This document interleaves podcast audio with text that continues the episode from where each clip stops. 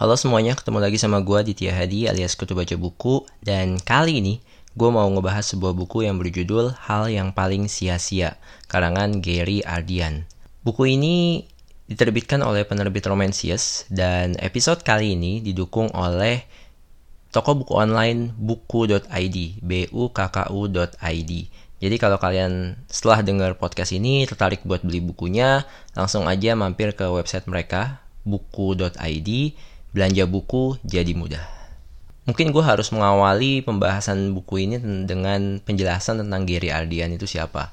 Gue juga awalnya nggak tahu, tapi ketika gue cek-cek ternyata dia cukup banyak followernya di Instagram dan bahasannya tuh tentang permasalahan cinta.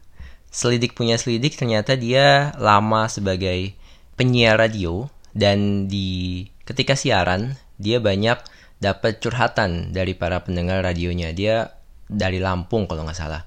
Jadi di sana dia jadi penyiar radio dan banyak terima curhatan dan akhirnya dia banyak belajar tentang cinta dari pengalaman pribadi dan juga pengalaman para pendengar radio dia.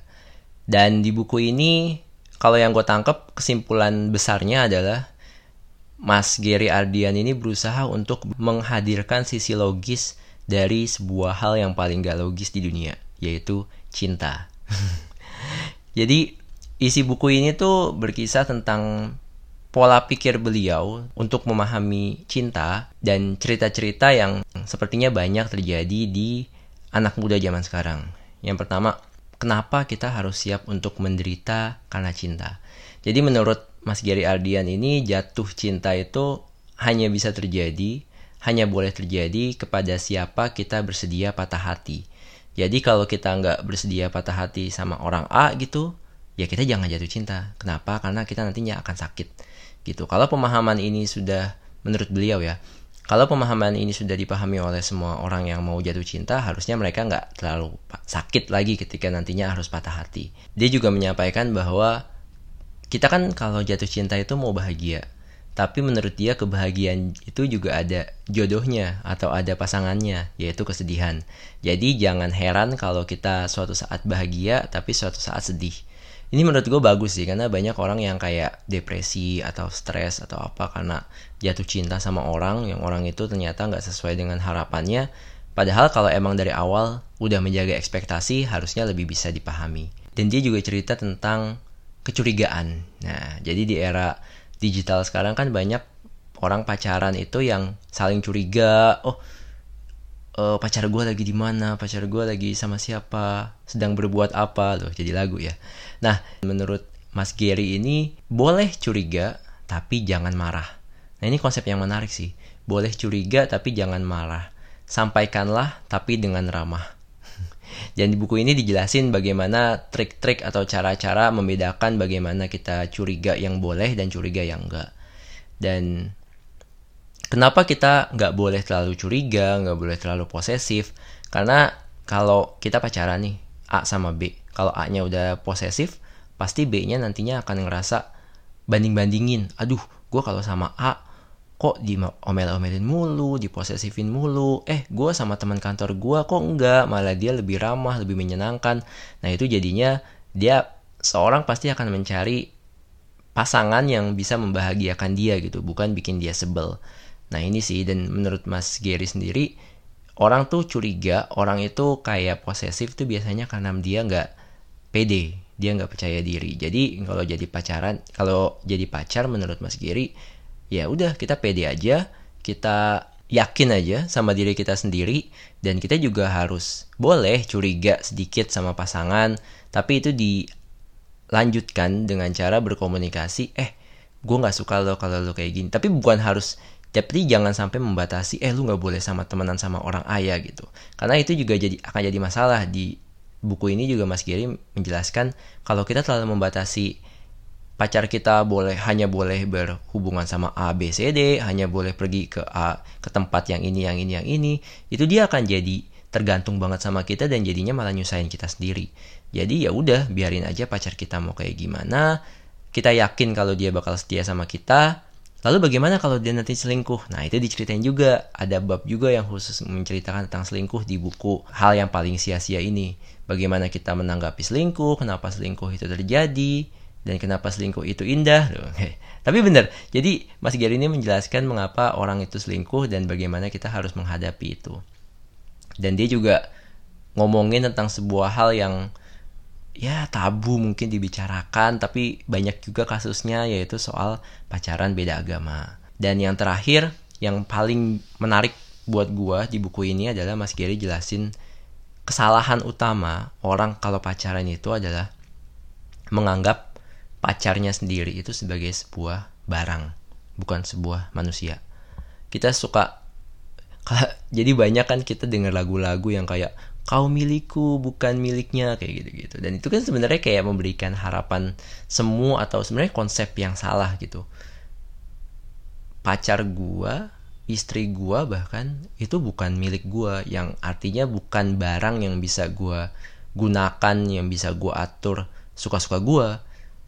Pacar kita atau istri kita atau pasangan kita suami kita itu adalah manusia juga yang dia punya keinginan, dia punya harapan sendiri, dia punya hobi sendiri yang beda sama kita, ya kita nggak bisa ngatur sedemikian rupa. Jadi konsep kepemilikan dalam berhubungan dengan lawan jenis atau sesama jenis, kalau kalian lebih suka itu, ya harus dibenarkan dulu konsepnya dari awal. Jadi kita nggak salah ke depannya. Ini sih yang menurut gue banyak salah kaprah yang terjadi di kehidupan dan Mas Gary ini berusaha menjelaskan di buku hal yang paling sia-sia ini dan menurut gue bagus banget. Dan menurut gue buku ini oke okay kalau dibaca sama satu orang tapi akan lebih pas kalau dibaca oleh sepasang kekasih atau sepasang orang yang lagi pengen membangun hubungan.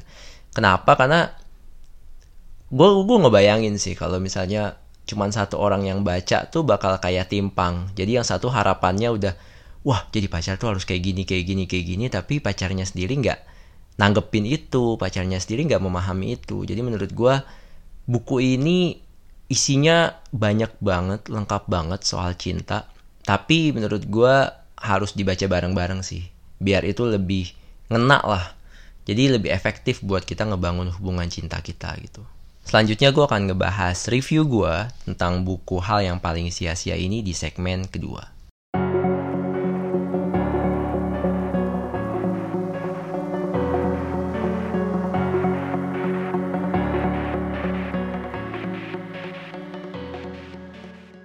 Untuk buku Hal yang paling sia-sia karya Gary Ardian ini gue bisa ngasih bintang 4 lah dari 5 bintang. Kenapa? Karena ada beberapa hal. Yang pertama, covernya itu menarik banget. Jadi kalau kalian ke toko buku atau ke lihat di toko buku online itu covernya warna hitam, hitam pekat gitu. Dan di depannya ada ilustrasi atau gambar semacam ombak atau angin yang itu kayak menonjol banget karena warnanya putih gitu. Jadi catchy banget lah judul apa covernya. Dan yang kedua, buku ini gue ngerti sih kenapa Mas Gary ini akhirnya banyak banget yang ngikutin Instagramnya atau kata-katanya. Dan dia juga sekarang bikin podcast dan di situ juga dia ngebahas hal yang sama yaitu soal cinta. Dan kenapa orang banyak yang suka dengan Mas Gary? Karena kata-katanya dia tuh kayaknya dia sadar sih dengan hal ini. Tapi gue sendiri awalnya nggak sadar. Tapi kemudian lama-lama gue menyadari bahwa bahasa yang digunakan itu penuh dengan rima. Rima itu kan kayak kalau kita bikin puisi di belakangnya tuh suku katanya sama ya. Nah Mas Gary ini ketika bercerita ini dia nggak membuatnya sebagai puisi, dia membuatnya sebagai oh ya udah gue kayak orang cerita sama temannya aja. Tapi dia memilih katanya bagus dan banyak pakai rima di kalimat-kalimatnya.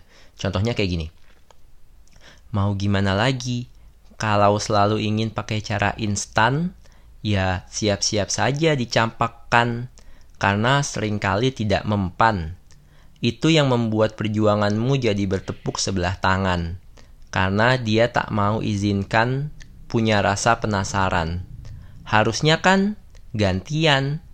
Bagaimana bisa kalian menjalin hubungan kalau dia tidak punya alasan untuk jatuh dan bertahan. Udah berasa kan ya, belakangnya ada an-an gitu dan ini yang bikin apa ya di awal tuh gue mikir kenapa ya gue kok enak ya baca buku ini? Oh ternyata emang karena banyak rimanya ini jadi gue kayak berasa baca puisi gitu sih. Selain itu juga ada kayak contoh kayak gini. Jangan kamu melulu yang menunjukkan rasa cinta coba buat dia terkesima dengan apa yang kamu punya dan biarkan dia menilai nantinya. Jadi emang bahasanya ini menurut gue kayak dibentuk sih. Jadi karena pemilihan katanya pemilihan diksinya itu bagus banget. Jadinya gue ngerasa kayak apa ya kayak ngobrol sama orang kayak berasa dikasih nasihat tapi nggak kayak diguruin gitu.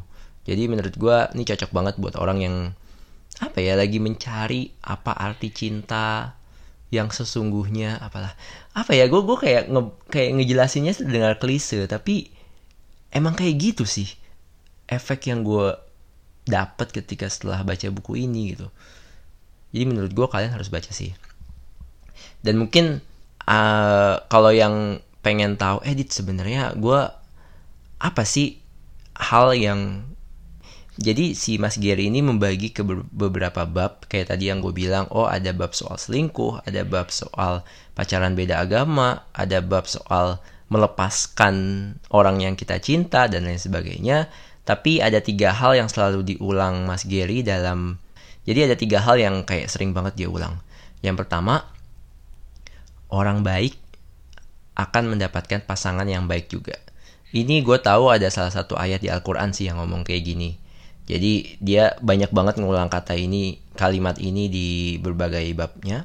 Yang kedua adalah menuntun bukan menuntut. Nah ini menurut gue kayak apa ya pedoman atau semboyan yang oke okay banget. Jadi kalau kita emang berhubungan dengan pasangan kita ya emang harus Jangan banyak menuntut, tapi harusnya menuntun. Yang ketiga, jadilah pacar yang menyenangkan. Nah ini menurut Pas Gary, ini adalah hal yang basic tapi jarang banget dilakukan. Karena kita tadi, kita menganggap pasangan kita tuh sebagai milik kita. Jadinya kita kayak cenderung, oh ya udah gue maksa pasangan gue untuk begini begini begini tapi jadinya kita nggak jadi pasangan yang menyenangkan paling itu sih yang bisa gue omongin oh iya tapi ada satu hal yang mungkin ketika kalian denger judulnya hal yang paling sia-sia. Mungkin ketika denger itu kalian langsung bertanya-tanya apa sih hal yang paling sia-sia yang di pengen diceritain sama Mas Gary ini? Tadi kan ngomong ini katanya cinta ngomonginnya pasangan. Terus yang hal yang paling sia-sia itu apa? Apakah cintanya? Apakah kita deketin orangnya? Apakah apa? Nah untuk itu kalian mesti cek sendiri bukunya sih mungkin gue kasih clue aja kalau jawaban tentang apa itu hal yang paling sia-sia menurut Mas Gary itu ada di halaman paling di bab paling terakhir paling belakang. Jadi kalau kalian gak sabar langsung aja beli bukunya lihat bab paling belakangnya. Itu. Jadi kalau kalian tertarik buat beli buku ini buku hal yang paling sia-sia karya Gary Ardian ini langsung aja uh, mampir ke buku.id, bukku.id bisa cek di website atau Instagramnya atau akun sosial media mereka yang lain. Oke, okay, I think that's all for now. Kalau kalian mau ngasih saran buku apa yang mesti gue bahas atau atau siapa yang mesti gue undang ke podcast ini bisa langsung reach out ke gue lewat Instagram at podcast buku kutu atau Twitter at podcast buku atau bisa juga email ke gue di podcastbukukutu at gmail.com. Podcast ini juga bisa kalian dengarkan di platform podcast favorit kalian yang lain, semuanya. Mulai dari Spotify, SoundCloud, Anchor, Apple Podcast, Google Podcast, Castbox, macam-macam. Pokoknya kalian langsung cari aja podcast Buku Kutu. I think that's all for now. Thank you for listening. See you and ciao.